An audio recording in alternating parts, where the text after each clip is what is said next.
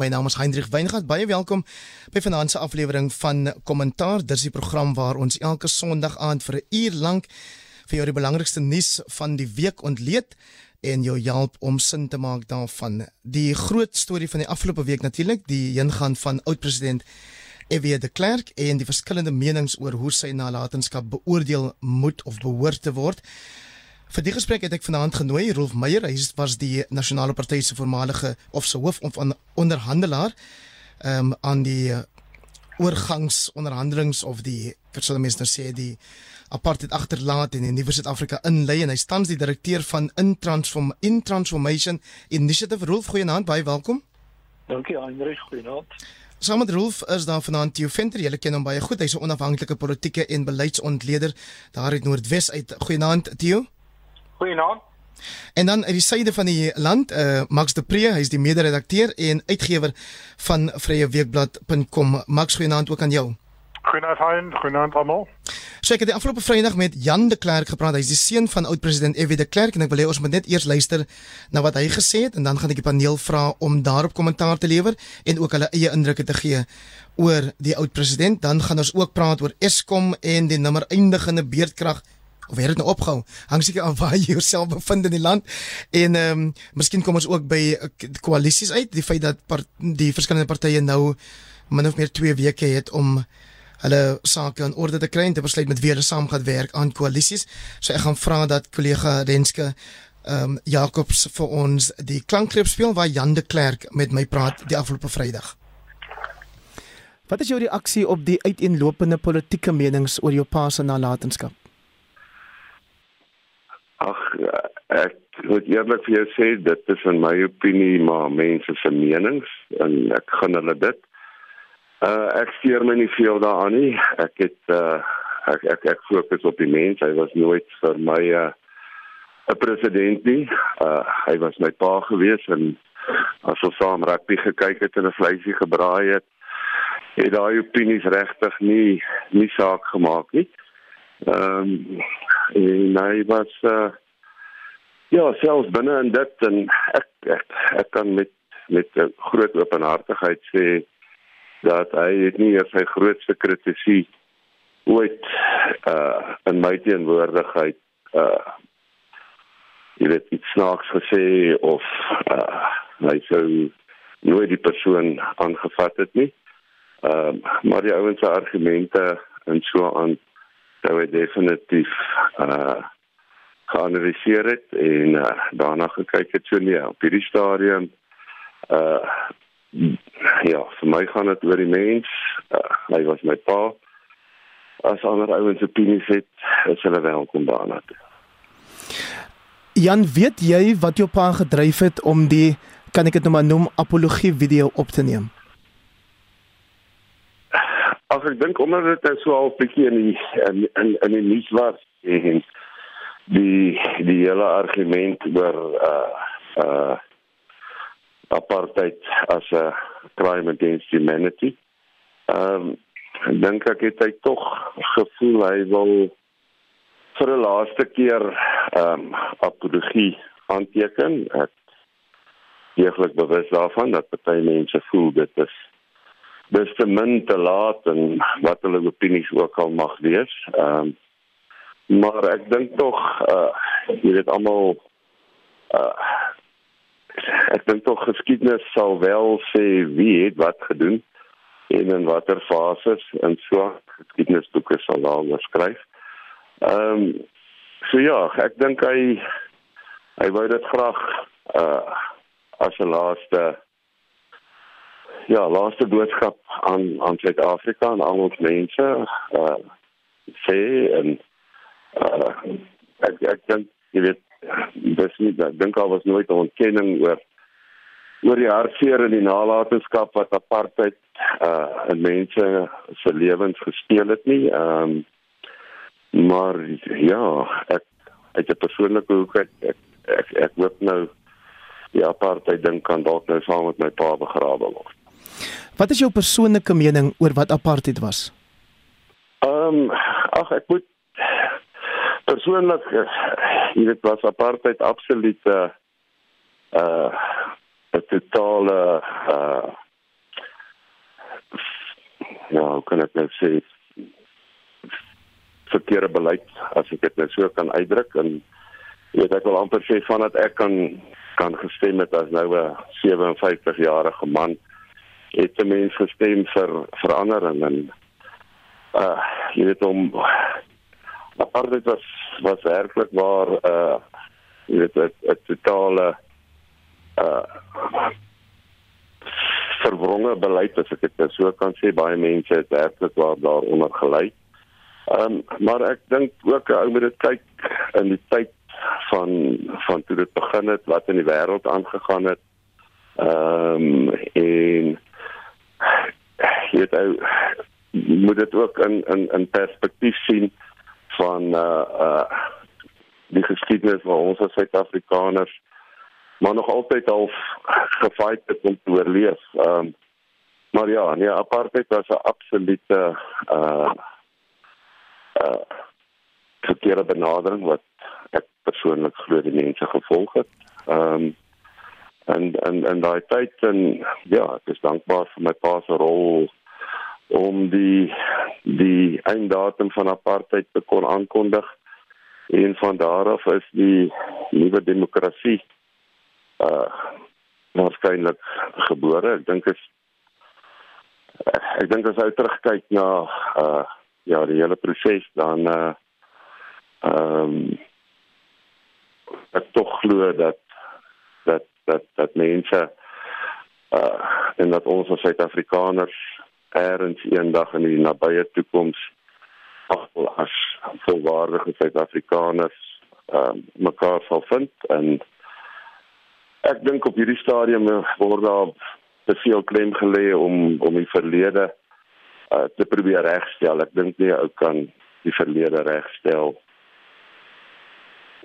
Wat gebeur om om nooit weer uh kan gebeur word nie of kan kan gebeur nie. So ja, nee my persoonlike gevoel was dit was 'n uh, 'n totale verkeerde beleid. Rolf Meyer, jy het ten nouste met Ewie de Klerk saamgewerk. Wat is jou indrukke oor wat sy seun Jan sopas met ons gedeel het? Ehm um, die die belangrikste punt dink ek uh, Heinrich om mee te begin is die feit dat Ewie behoort erkenning te kry vir die feit dat hy apartheid beëindig het soos wat Jan op die eind gesê het. Ehm um, as mense in die in die totale konteks kyk van waar apartheid vandaan kom het, en ons gaan terug na die omstandighede waarin Suid-Afrika bevind het teen 1990 of die einde van die 1980s dan was dit uh, dan was dit 'n groot stap daar is geen twyfel daaroor nie enige iemand wat daardie era of daardie tyd meegeleef het um, sal sal bewus wees van die feit dat ons op die rand gestaan het van 'n totale grootskaalse konflik in Suid-Afrika. En en en dit is 'n uh, se besluit om die dapper stap te neem, die regte stap te neem om president Mandela vry te laat, ander gevangenes vry te laat en die uh organisasies te ontperk met die oog daarop om 'n proses van gesprekvoering, dialoog en onderhandeling aan die gang te kry. Want dit was die hoofmerk. Ek dink dit was uh, was die regte ding en hy het dit geweet hy moet dit doen. Dit is absoluut noodsaaklik geweest dat dit moes gebeur het. Ehm um, daai stap kon natuurlik deur PW Botha al in 1985 ge geneem gewees het soos wat toe die verwagting was. Die sogenaamde Rubicon moment wat toe nooit gebeur het nie. En vir 5 jaar het Suid-Afrika daaronder gelei dat dit nie van stapel gestuur is nie. Ehm uh, met ander woorde dat die oorgang nie begin is onder in PW Botha se tyd reeds. En toe EW oorgeneem het as leier van die nasionale party en, en president in dieselfde jaar het hy onmiddellik die regte stap geneem. So ek dink daarvoor moet hy krediet kry. Uh wat se kritiek daar ook al mag wees teen ten opsigte van sy persoonlike oortuiging, sy toewyding aan aan die stap en daaroor kan ons nou verder praat. Ek dink die geheel prentjie is dit was die regte ding om te doen en daarvoor het hy erkenning gekry in Suid-Afrika en oor die hele wêreld. Ek ek was die afgelope week in Europa gewees toe toe hy oorlede is en ek het dopgehou en geluister na mense se uitsprake aan daardie kant aan die, in die buiteland. En ek dink sy uh, die erkenning wat hom toegekom het daar was wêreldwyd vir die feit dat hy nou geslaag het om 'n konfliksituasie uh, te verander in 'n vredespoging en op 'n manier vrede vreedsame oorgang na demokrasie bewerkstellig het. Ehm um, miskien net 'n laaste opmerking. Jy weet ons ons praat dikwels van apartheid as 'n as 'n era wat net bestaan het vanaf 1948. Uh, ek dink mense moet dit in breër konteks sien. Die die feit van rasse skeiding en rasse meerderwaardigheid teenoor minderwaardigheid uh of ondergeskiktheid was iets wat hierdie land geken het vir meer as 300 jaar vanaf Jan van Riebeeck hier aangekom het. Ehm uh, en en daardie meerderwaardigheid waarmee Europeërs hier voet aan wal gesit het, het altyd bly voortleef. Dit is later omgeskakel na na statutêre uh uh skeidslyne soos wat apartheidsbeleid uh, dit dit afgedwing het sedert 1948 maar wat ons eintlik moes verander het en wat ons daarin geslaag het om te doen was die totale paradigma van meerderwaardigheid teenoor geskiktheid wat wat die Europeërs hier ingedra het in Afrika in spesifiek in Suid-Afrika se geval. En, en ek dink en ek dink die die die geheel prentjie is dus na my oordeel dat ons het ewig dan geslaag om om 'n wending te gee aan die geskiedenis wat wat oor meer as 300 jaar gestrek het en 'n totale nuwe begin gemaak. En dit het hy uitgedruk in woorde. Ek sê dit sal altyd by my bybly. In Desember 1989 het hy net 'n geleentheid gehad om alleen met mekaar te praat een op een uh, doodgewoon omdat omstandighede dit dit uh, so toegelaat het. Nou dan het dit was in Desember 1989, 2 maande voor die aankondiging gemaak is. Ja, van 2 Februarie 1990. En die manier waarop hy uitgedruk het wat ons met die die ding wat ons gaan doen, dit wat hy van plan was om te doen. Uh en die en die betekenis daarvan selfs uit 'n regsoogpunt dit met my gedeel as iemand wat ook 'n prokureur was van beroep. Uh het het net een betekenis gehad en dit is hy het volledig geweet wat op hande is en wat hy beoog om te doen. En uh, met ander woorde in die, in die terme wat hy dit uitgedruk het, is hy het gesê ons ons is besig met 'n likwidasie poging. Ons gaan die land likwideer en 'n nuwe begin maak. En uh en dit het vir my uit daai oogpunt net een betekenis gehad en dit is hy het geweet wat is die betekenis van wat hy gaan doen. En uh, en ek dink uh, en ek dink hy moet krediet daarvoor kry. Uh, hy het hom later by verskeie geleenthede dalk nie so helder daaroor uitgespreek nie, maar hierdie uitdrukking het vir my nogal by my vasgesteek en het altyd by my bygebly. Roof baie dankie. Ek gaan net vra dat ons vorentoe 'n bietjie korter antwoord. Ek het jou hierdie keer toegelaat om soveel te sê as wat jy gedink het nodig is gewoon omdat jy die naaste aan Evie de Klerk was as uh die ander twee deelnemers en ek self. Max Pre jy was die redakteur van 'n koerant wat baie van die vergrype wat onder apartheid plaasgevind het blootgelê het. Julle moes ook sekerlik vir mekaar gesê het op 2 Februarie 1990 dit is die dag waarvoor ons geveg het?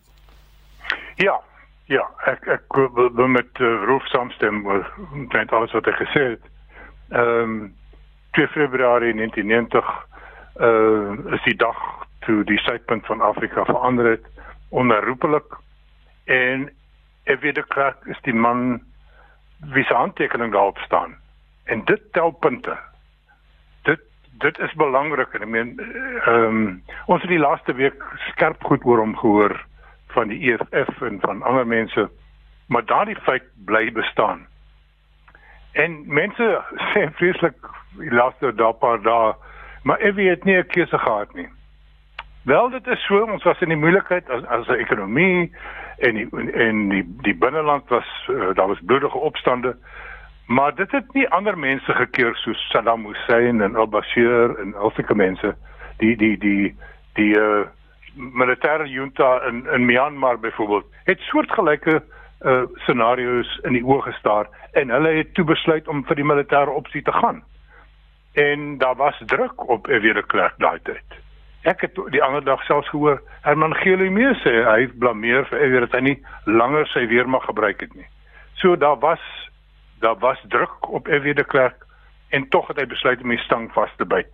Hy het geweet sy primêre constituency, konservatiewe Afrikaners gaan hom daarvoor raad. En hy, as jy hulle nou maar op die op Facebook en die plek wil gaan kyk die laaste week dan se duidelik gelaat hom nog steeds. So hy moet erkenning kry daarvoor. Eindig maar nou is die enigste vraag maar hoekom hoekom sê die meeste swart Suid-Afrikaners en bruin Suid-Afrikaners dan nie ook goed om weer gaan rus en gaan slaap dis nou oor en verby dankie en en en so aan nie want dit het gekom omdat hy nie bereid was om persoonlik verantwoordelikheid te vat vir wat gebeur het terwyl hy in die kabinet was en toe hy president was nie. En en ek het al ek het op 'n stadium gevoel ek wonder of ek nie die man moet gaan sien en net vir hom sê meneer dis al wat jy moet doen. Dis jy moet sê ja, jy was daar toe die staatsveiligheidsraad besluit het uh, om om die die Kraddock 4 uh, uit die gemeenskap uit te uit te verwyder.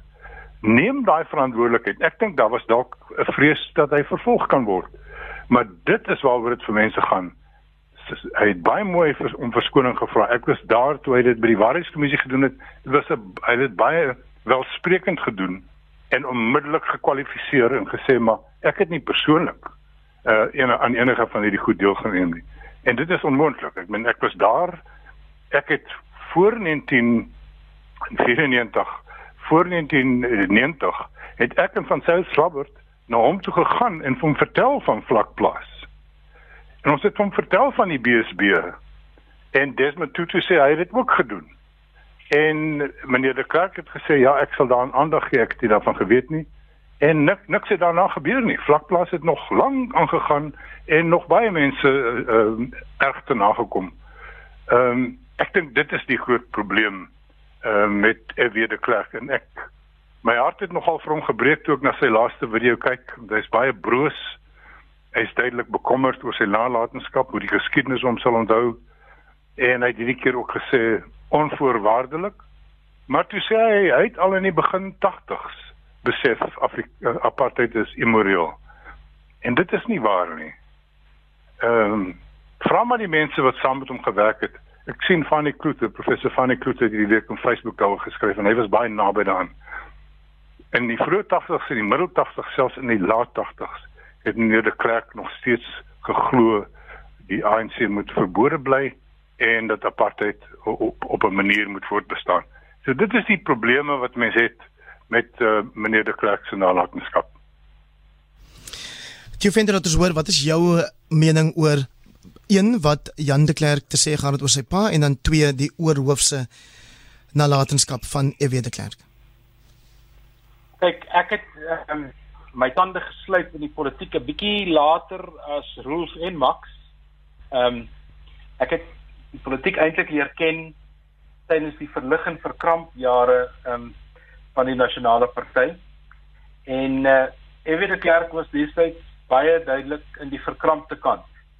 Ehm um, ek het ehm um, dit leer ken hier op Potchefstroom toe die doppers nie kon besluit is dit Connie Miller of EW de Klerk nie en uiteindelik het Connie Miller se se se politieke pad geloop soos wat ons nou weet en daarna ehm um, het EW die leier van die nasionale party geword. Nou dis nou presies waar ek wil aansluit by Fanie Kloete. Ek dink Fanie het 'n verskriklik gebalanseerde ehm um, stuk op Facebook geskryf wat iets wat mens aldag sien nie.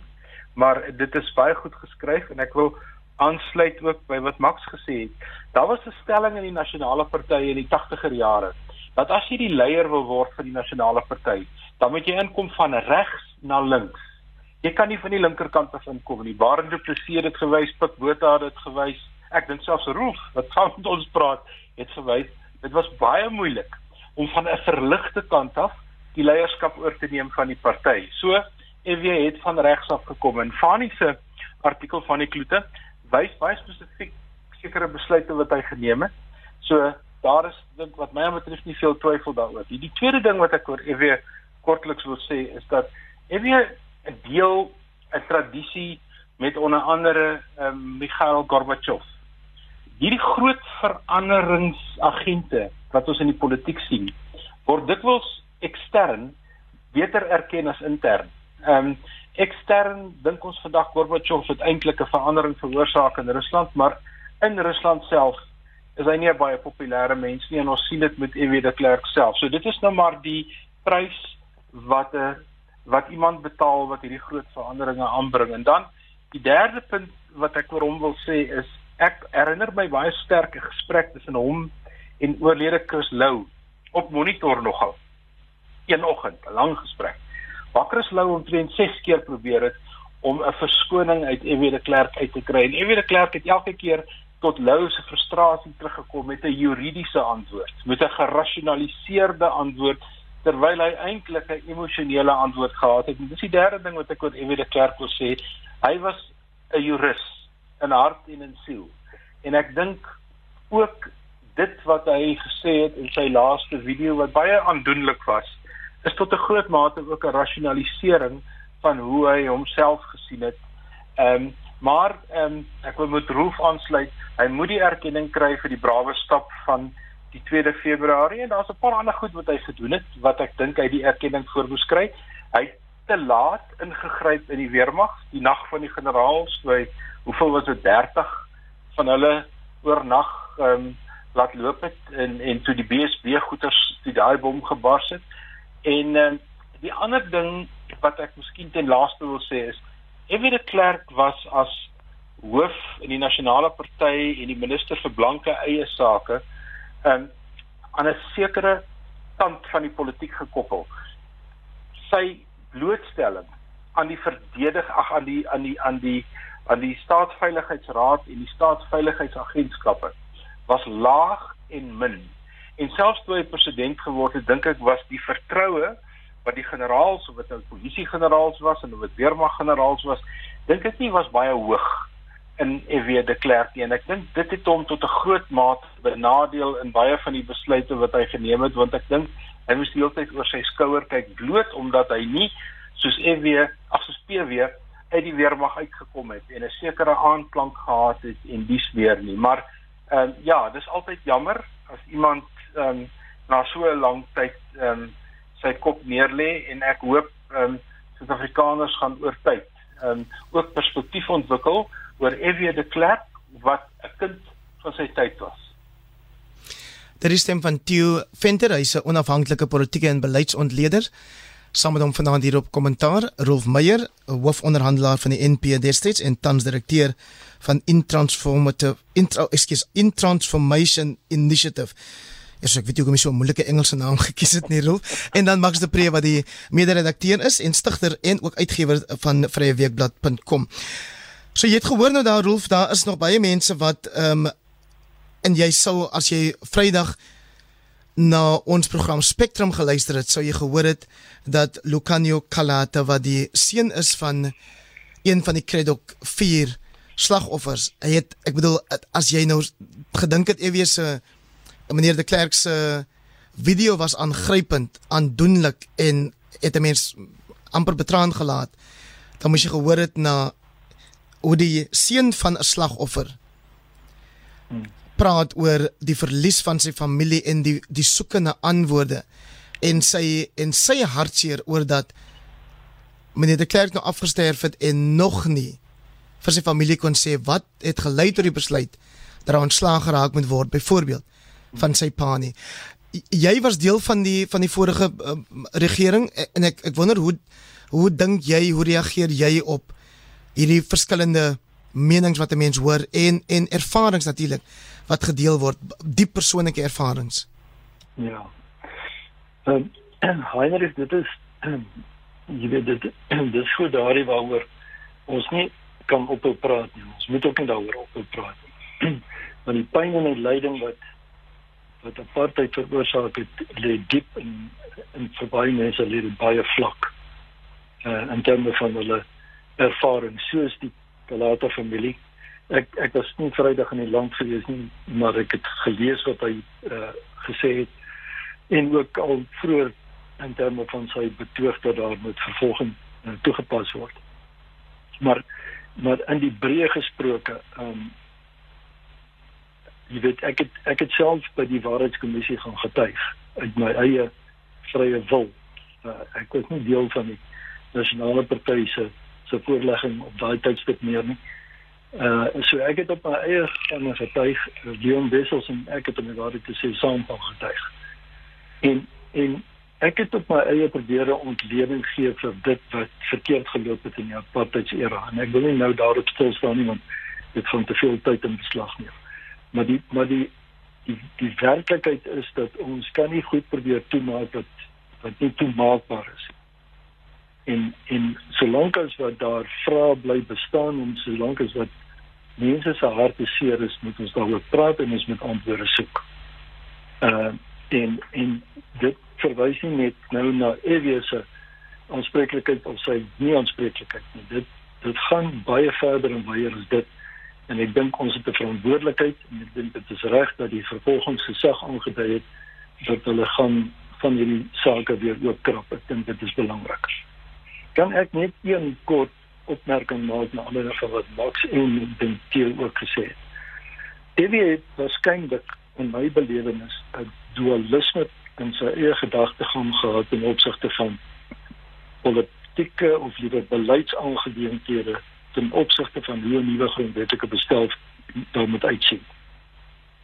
En weer eens tyd gewys laat dit nie toe om alles daar uit te pak nou nie, maar ek dink hy het 'n dualisme gehad waar hy aanvanklik sterk georiënteer was in die rigting van groepregte en minderheidsbeskerming. En as mens gaan kyk na die aanvanklike voorstelle wat die nasionale party ingedien het in die Codesa proses, ek praat van vroeg 1992, dan slaan hierdie groepsbenadering telkens deur. Maar ek het ook die gevoel dat hy het deurgaans geweet eintlik van dit nie slaag nie. Ten spyte daarvan dat daar pogings aangewend was om dit in 'n grondwetlike model, konstitusionele stelsel wat dit ook al genoem sou word, in te bind. En op die ouend toe die toe die toe Kodesa en daai stort Mei Junie 1992 en ons daarna as dit ware van nuut af die proses moes hervat en en president Ramaphosa soos hy nou is en ek die twee spanne gelei het om uh, oor dae wat gevolg het uh, 'n oplossing te bewerkstellig wat ons op gelyke grond sou plaas in terme van 'n visie vir die toekoms. Het EW dit volledig ondersteun. En dit staan opgeteken in die rekord of understanding wat geteken is op die 26 September 1992. En en daardie rekord verteenwoordig net een uh, denkrigting en een visie en dit is dat Suid-Afrika bestaan uit massas individue wat geregtig is op gelyke regte vir almal. En en ek dink daardie daardie stap wat hy toegeneem het om daai dokumente teken, die record of understanding saam met president Mandela, het eintlik bevestig dat hy van die groepregte of minderheidsbeskermingsideologie, as ek mens dit so kan stel, teen daai tyd afstand gedoen het. Max Stam de Plessis skryf vandag 'n rapport, die klerk se nalatenskap is vel bestrede, maar dit neem niks weg van die politieke moed wat hy geopenbaar het om apartheid die finale nekslag toe te dien nie. 'n daad waarvoor hy waarvoor sy voorgangers wat veel sterker afrikaner leiers as hy was konsekwent teruggeduins het. Op die SMS lyn skryf iemand die nommer daar 4589 en dit kos jou 150 elk. Ja dankie aan EW is ons land moer toe in 27 jaar van vryheid ter Sandra van Durban Ja, dit is uh, gaan gaan kyk op sosiale media die laaste paar dae.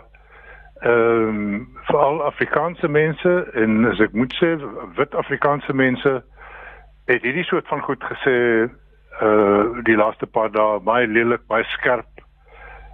Asof asof meneer de Klerk 'n keuse gehad het. Asof dit moontlik was dat apartheid sou kon voortduur of die driekamer parlement sou kon voortduur. Uh meneer de Klerk het self 'n paar keer agterna gesê as hy dit nie gedoen het nie het ons gesurre gelyk vandag. Ek dink mense moet net 'n bietjie nugter wees en Ek dink mense dink ook hulle kyk om hulle rond en dit gaan nie goed met ons in Suid-Afrika op die oomblik nie. En hulle smeer dit alles af in, op die brood van die skikking van 1994. En dit is 'n denkfout. Daar was nie 'n ander koers uit nie. Die grondwet wat Roof hulle uh, beding het is die heel heel beste wat wit Suid-Afrikaners kon verwag het onder die omstandighede en na ons geskiedenis. Daaroor het ek in my hart geen twyfel nie dat ons 'n vrot regering gekry het, dat ons Zuma gekry het, dat ons al die korrupsie gekry het, is nie die grondwet se fout nie, is nie die skikking se fout nie. Trump het gewys grondwette maak nie goeie regerings nie. Dis nie 'n waarborg teen teen korrupsie nie. So mense moet hulle woede na binne keer en en dit is so. Ehm um, Evie de Klerk het 'n dapper besluit geneem en daarvoor sal ons ons agterkleinkinders sal nog in die geskiedenisboeke lees. Hy is die man die grafskrif van apartheid is deur hom onderteken en hy het 'n keuse gehad. Ehm um, ek dink net ons moet ons uh, ons moet 'n bietjie beter oor die geskiedenis dink en dink wat sou kon gebeur het as Evie de Klerk in in in Augustus in 1989 gesê het nee ek gaan uh, die polisie en die weermag loslaat. Ons gaan 'n militêre oplossing hier soek. Laat ek net dit vir jou sê, Hendrik, ons sou nie vanaand hierdie gesprek gehad het nie. As as dit gebeur het nie. Ons sou nie in 'n posisie gewees het om oor Afrikaanse radio vryheid van spraak te beoefen nie. Hmm. Tio, wat sê jy vir die mense wat skynbaar vergeet dat daar ook in 1992 'n referendum was waarmee die meeste wat deelgeneem het aan daai referendum gesê het hulle dink om met die onderhandelinge te begin voort te gaan is die regte ding om te doen. Ek is baie bly jy vra daai vraag Hendrik, want daai referendum het eintlik hier uit Potch ontstaan waar die nasionale party in 'n tussenverkiesing ehm um, uh, die die die setel verloor het en die skok op die stelsel daai tyd van die nasionale party was so dat hulle toe besluit het om 'n referendum te hou En in daai referendum het die oorgrootste meerderheid van Suid-Afrikaners gesê die saak is reg. Julle moet aangaan met onderhandelinge en die res is natuurlik geskiedenis waarby Roof hulle nou betrokke was. Ek het nog gehoop ek het nog gehoop Max gaan daarom sê hoor hoor. ek skud my kop op en af hier agter. ja, en dit was ehm uh, dit was 'n baie belang belangrike besluit, maar ehm um, dit bring iets na vore Heinrich in in in kiesergedrag en hoe mense reageer. Wanneer mense emosioneel reageer en ek dink dis een van die uitlaatkleppe wat die sosiale media is.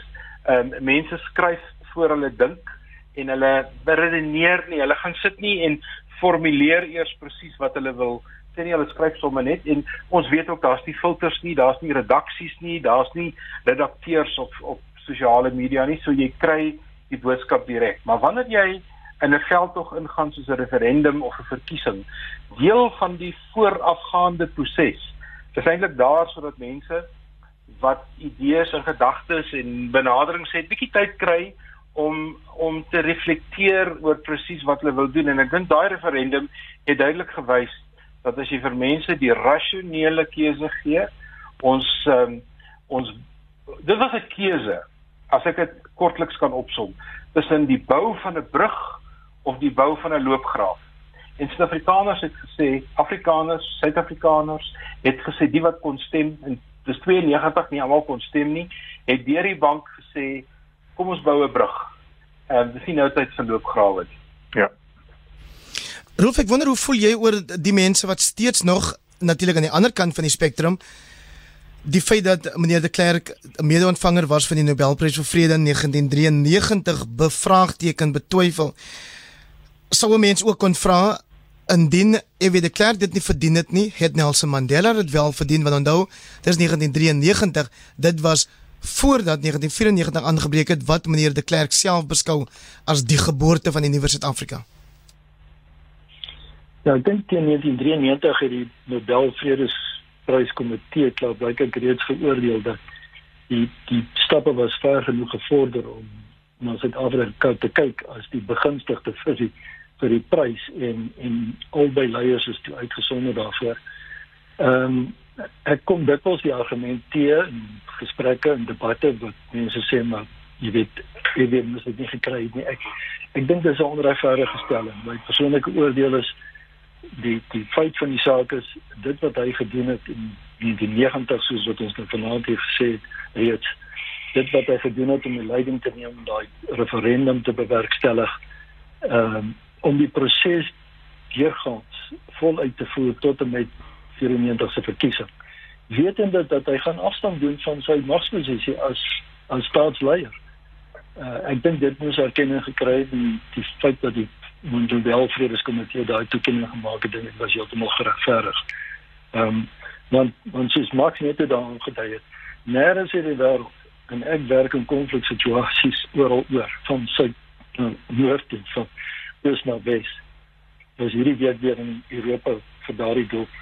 Ehm um, nêrens in die wêreld was daar in resente geskiedenis enige voorbeeld van iemand wat bereid was om vrywilliglik afstand te doen van sy posisie en op daai manier 'n vreedsame oorgang na demokrasie te bewerkstellig. En ek dink daai erkenning uh, het hy verdien met ander woorde by wyse van die Nobelprys. Eindelik ek het my ek het my die laaste paar dae erg ongewild gemaak by by 'n klomp mediahuise toe hulle vir my hierdie selfde vraag gevra het. En ek het gesê ja. Ehm um, en my my my rasioneel was my rasionaal was hy het nie net 'n ding geteken of of op op 2 Februarie 1990 ehm um, 'n aankondiging gemaak nie. Hy het daarna die hele konsep van 'n onderhandelde skikking aan wit Suid-Afrikaners verkoop teen groot risiko vir homself. Hy hoef nie daai referendum uit te geroep het nie. Dit was 'n risiko vir hom. Hy het nie geweet hy gaan 68% kry nie. Potchefstroom het sy uitslag het dalk vir hom gesê daar kan hy onder 50% hmm. en dan sou dit ja. verskriklike vernedering vir hom gewees het. So ek sê wat Evie de Klerk en en uh, hy het nie van my gehou nie. Baie min van my gehou. Ek het ook nie baie van hom gehou nie.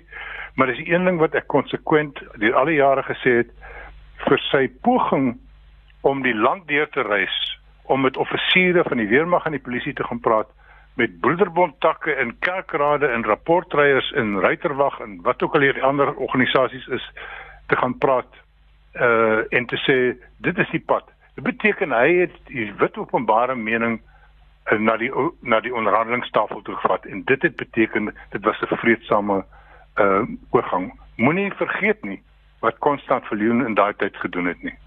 Heeltemal reg. Heeltemal reg. As jy dink Max, jy's ongewild, dink jy 'n bietjie in hoe dit moet wees vir 'n brein persoon wat in 1994 vir Evie de Klerk gestem het. Ek gaan nie name noem nie, maar jy kan hier af eie afleidings maak. Ehm um, kom ek hoor uh, Theo as ek um, vir jou lees wat Tim Du Plessis uh, skryf oor meneer de Klerk vandag en vir jou vra om vir ons in te lei in 'n laaste opmerking oor hoe jy sy nalatenskap sal beoordeel en dan vir Rolf en vir Max en dan gaan ons aanbeweeg na Eskom toe Tim Du Plessis skryf vandag Nelson Mandela en Jan Smuts mag die grootste Suid-Afrikaners van alle tye wees, maar nie een van hulle het die land so ingrypend verander soos Frederik Willem de Klerk nie. Dis absoluut so. Dis absoluut so want hy moes die stap neem. Ek dink Max het gepraat van die grafskrif of of roof. Hy moes die stap neem om 'n besluit in die parlement te neem formeel deur die formele politieke proses om te sê ek onthou nog daai toespraak die die verwondering die 2de Februarie 1990. Ek dink die woorde wat hy gebruik het is I herewith rescind the this and the that op die ANC en die PAC en alles wat daarmee saamgaan. Dit was die formele stap. Mandela het nooit so 'n geleentheid gehad nie. Hy het wel die land ingelei na 94 en Smits het 'n uh, het 'n totaal ander rol gespeel. Ek dink uh, te misreg. Rolf, jou uh, laaste opmerking oor meneer de Klerk se nalatenskap? Ek dink die feit is uh, Heinrich dat hy het met sy optrede bygedra om Suid-Afrika te bevry, alle Suid-Afrikaners te bevry. En ek dink dit is die nalatenskap wat hy daar vir ons gestel het. Alle Suid-Afrikaners het deur sy besluit, sy aankondiging van 2 Februarie 1990 wat het bevry geword as gevolg van die stappe wat daarop gevolg het. Max? Ja, ek stem saam. 2 Februarie 1990 en sy dade daarna, sy optrede daarna om dit te populariseer en aanvaar te kry, die die die ondertekening van die interim grondwet uh uiteindelik wat gelei het tot 1994 uh staan soos groot groot bakens uh in ons geskiedenis. En uh en ons ons sal ons sal om daaroor wie ook ons ook, ons ook al is sal ons moet vereer kan ek vinnig vinnig laaste gedagte bygooi seker ek dink as ons effektief geregeer is sedert 1994 as ons nie vir Jacob Zuma in sy 9 verlore jare gehad het nie as Cyril Ramaphosa uh, meer kon bereik in die laaste 3 jaar dan sou ons 'n meer regverdige, 'n meer voorspoedige, 'n meer suksesvolle land gewees het. Ek dink as as dit gebeur het, sou die swart reaksie op meneer de Klerk se dood nie so hewig gewees het nie. Mense soos wat wit mense kyk na hoe hulle swak en onseker en bang is vir die toekoms en dan gaan soek hulle na uh, uh, uh, iemand om te slaan en dis ewe so doen swart Suid-Afrikaners dit ook. Swart Suid-Afrikaners is kwaad oor so min verander het in hulle lewens. Gewone werkersklas, werklose mense. In die land is is in 'n gemors. Ek dink as ons as ons voorspoedig was nou sou mense baie makliker gesê het Salantli Obas. Kan jy dit vir ons vertaal asseblief? Mooi slaap. Max de Pre daar so hier's 'n boodskap van Anton uit Jelderkruin. Hy sê rus in vrede EW. Jy het ons land gered na 1990, het dinge positief verander en ek stem saam met Max. Die grondwet waarborg nie 'n goeie regering nie. Die grondwet helaas 'n uh, Rolf waarborg ook nie behoorlike kragvoorsiening nie. En ons is nog gelukkig vanaand. Ek lag nou maar ons moet eintlik bly wees dat ons vanaand die gesprek kan hê en dat mense kan luister want ons weet 'n week gelede was dit nie gewaarborg nie. Wat is die probleem by Eskom? Vra jy vir my of vir uh, Max of vir Theo? Ek vra vir jou. Kyk, ek is nie 'n ingenieur nie, maar vir vir 'n leek soos ek self ten opsigte van die onderwerp as ek van buite daarna kyk en ek dink dit gaan terug na wat Max nou net gesê het oor die verlore jare van van die Zuma administrasie. Ehm um, alles het daar verkeerd gegaan uh, sedert 2009 en en dit geld nie net vir Eskom nie. Ehm um, ek het onlangs al gesprekke gewees met mense wat getuig of, of kom praat met gesag ten opsigte van die situasie by Transnet. Dit is presies dieselfde daar en waarskynlik geld dieselfde vir al die ander staatsondernemings. Uh en dit was die die plundering wat plaasgevind het by hierdie ondernemings onder die Zuma in die Zuma era. En uh en nou sit ons met die herbou hiervan en ek weet so waar nie ons by die mylpaal gaan uitkom binne die binne die beloofde tyd om die regstellings te bewerkstellig nie. Want dit gaan nie net oor die geld wat verlore gegaan het in die proses nie dit is ook die tegniese vermoë die kundigheid wat verlore gegaan het. Uh, die ene instelling wat ek byvoorbeeld redelik mee te maak het is Denel. En ek sê nou vir jou Denel is onherstelbaar in sy huidige formaat. Ja. in terme van die mense wat verlore gegaan het wat weg is uit die land uit selfs in terme van tegniese vermoë en as ek gehoor het wat ja, Oberholzer van Eskom die ander dag gesê het ten opsigte van es, van van Kuiberg nou geld dieselfde daar ook. So dit is dit is die plundery, die diefstal, die die verlore mense en en en ons gaan waarskynlik land met hierdie probleem moet saamleef. En nou gouer ons daaroor met alternatiewe energiebronne kan begin en het, en dit in werking stel hoe beter. Max is Andre de Ruyter die regte persoon om ons uit hierdie gemors uit te kry. Ehm um, ek het ontsaglike vertroue in hom uh, wat ek baseer op interaksies wat ek al gehad het met sy senior mense en op my persoonlike kontak met hom en die die perskonferensies en en briefings wat hy gehad het. Ehm um, dink ek hy is die ideale man uh vir die posisie. Hy het net 'n onmoontlike taak en ek as ek as ek uh, Andre de Ruyter se oordeel kan wantrou vir 'n oomblik sal ek sê die enigste ding wat ek kan sê is hoekom het hy ooit daai job gevat? Uh dit was hy kon nie hy kon nie wen nie. Die die die punt is ehm um, ons het Eskom is 'n groot suksesstorie. Dit was ons het pryse internasionale pryse gekry. Dit was een van die beste energiemaatskappye in die wêreld. Maar toe begin ons groei en ons begin verstedelik na 94 en meer mense kry elektrisiteit en skielik sit ons met 'n probleem. Uh toe kry ons beurtkrag en toe kom die ANC en hy sê maar ons gaan twee reusagtige kragsentrale bou, Medupi en Kusile en teen 2015 gaan dit die helfte meer elektrisiteit lewer as wat ons het. As dit gebeur het, dan het ons nie nou 'n probleem gehad nie. Modip, Medupi en Kusile is altoe meer as 10 jaar laat.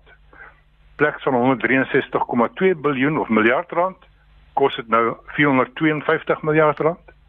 Eh en daai tyd is die kragsentrale wat meestal oor 40 jaar oud is, glad nie uh, nagesien en stand gehou nie. Ons het mense soos Brian Molefe en Arnold Singh en Marcella Kokke gehad wat saam met die Guptas soos eh, soos Roof gesê het geplunder het. Ons het goed soos die prys die die die kosprys van steenkool het sedert 2007 met 500% gestyg. Tussen 2007 en 2019 is die die aantal uh, Eskom werknemers met 44% toegeneem, maar produksie het met 1.5% afgeneem in daai periode.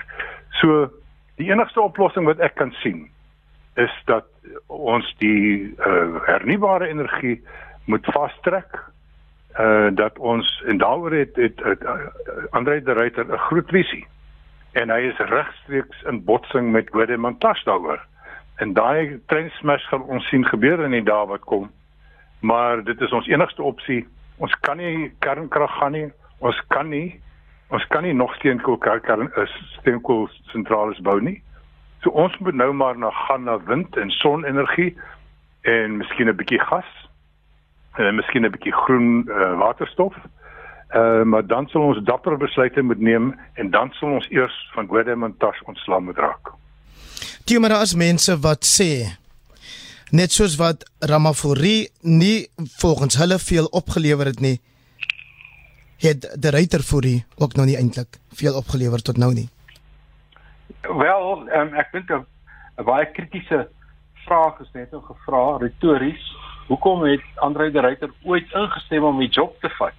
Want onthou Eskom is 'n ongelooflike sensitiewe masjien Dis die een probleem. Die tweede probleem is Eskom is 'n monopolie en monopolie sukkel om te verstaan as dinge by hulle skeefloop want daar's nie kompetisie wat hulle duidelike speel ophou en sê so moet die werk gedoen word nie. So vir my was um, ons kan baie praat oor die verlede, maar ek sal liewer vorentoe wil kyk. Vir my was dit belangrik dat ons gehoor het in die mediumtermyn begroting donderdag dat uh, die minister sê Uh, ons beplan nou om derde partye op ons spoorweë toe te laat. Ons beplan dit, ons beplan dat. Alles goed wat al lankal moes gebeur het, dink ek. Maar ek dink die rigting wat daarin beweeg word is 'n uh, groter mate van privatisering en ek dink dis deel van die oplossing. Daar's baie ander lande wat al deur soortgelyke kragissues gegaan het. Kalifornië is 'n baie goeie voorbeeld. In Kalifornië het die krag fisies afgegaan wat by ons nog nie gebeur het nie. In Chili het die krag afgegaan.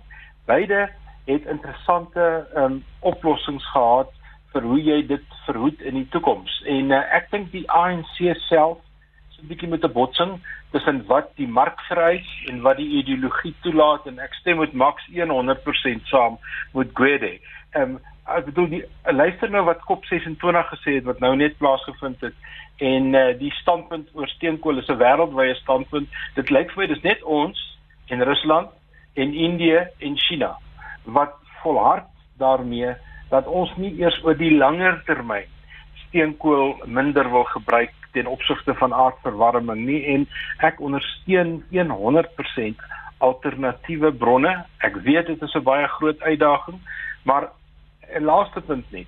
Ek het 'n persoonlike vriend wat deel is van 'n groep Suid-Afrikaners wat weg is by Eskom, wat Filippyne toe is, wat 'n kragsentrale gelewer het binne begroting, binne tyd wat 100% werk. Dis die kapasiteit waaroor Eskom beskik het. En um, ek kan nie dink dat ons op 'n manier die ouens nie kan terugkry en sê kerels kom help ons het moeilikheid. Ek hoop die ryter kry dit reg om daai groot moedige stap ook te neem. Rolf Meyer, het jy Cyril Ramaphosa se telefoonnommer? Wat het doel vir uh, Heinrich? Want ek wil weet of jy dan nie vir hom kan vra hoekom hy as partyleier en president van die land toelaat dat mense soos Max glo dis Gwedi Mantashe wat hierdie verknogtheid het aan steenkool en nie maar die regering wat gelei word deur Ramaphosa nie. Ja, daar is waarskynlik verskeie besluitnemers in daai proses. Ek dink Gwedi is die is die nommer 1 beskuldigde.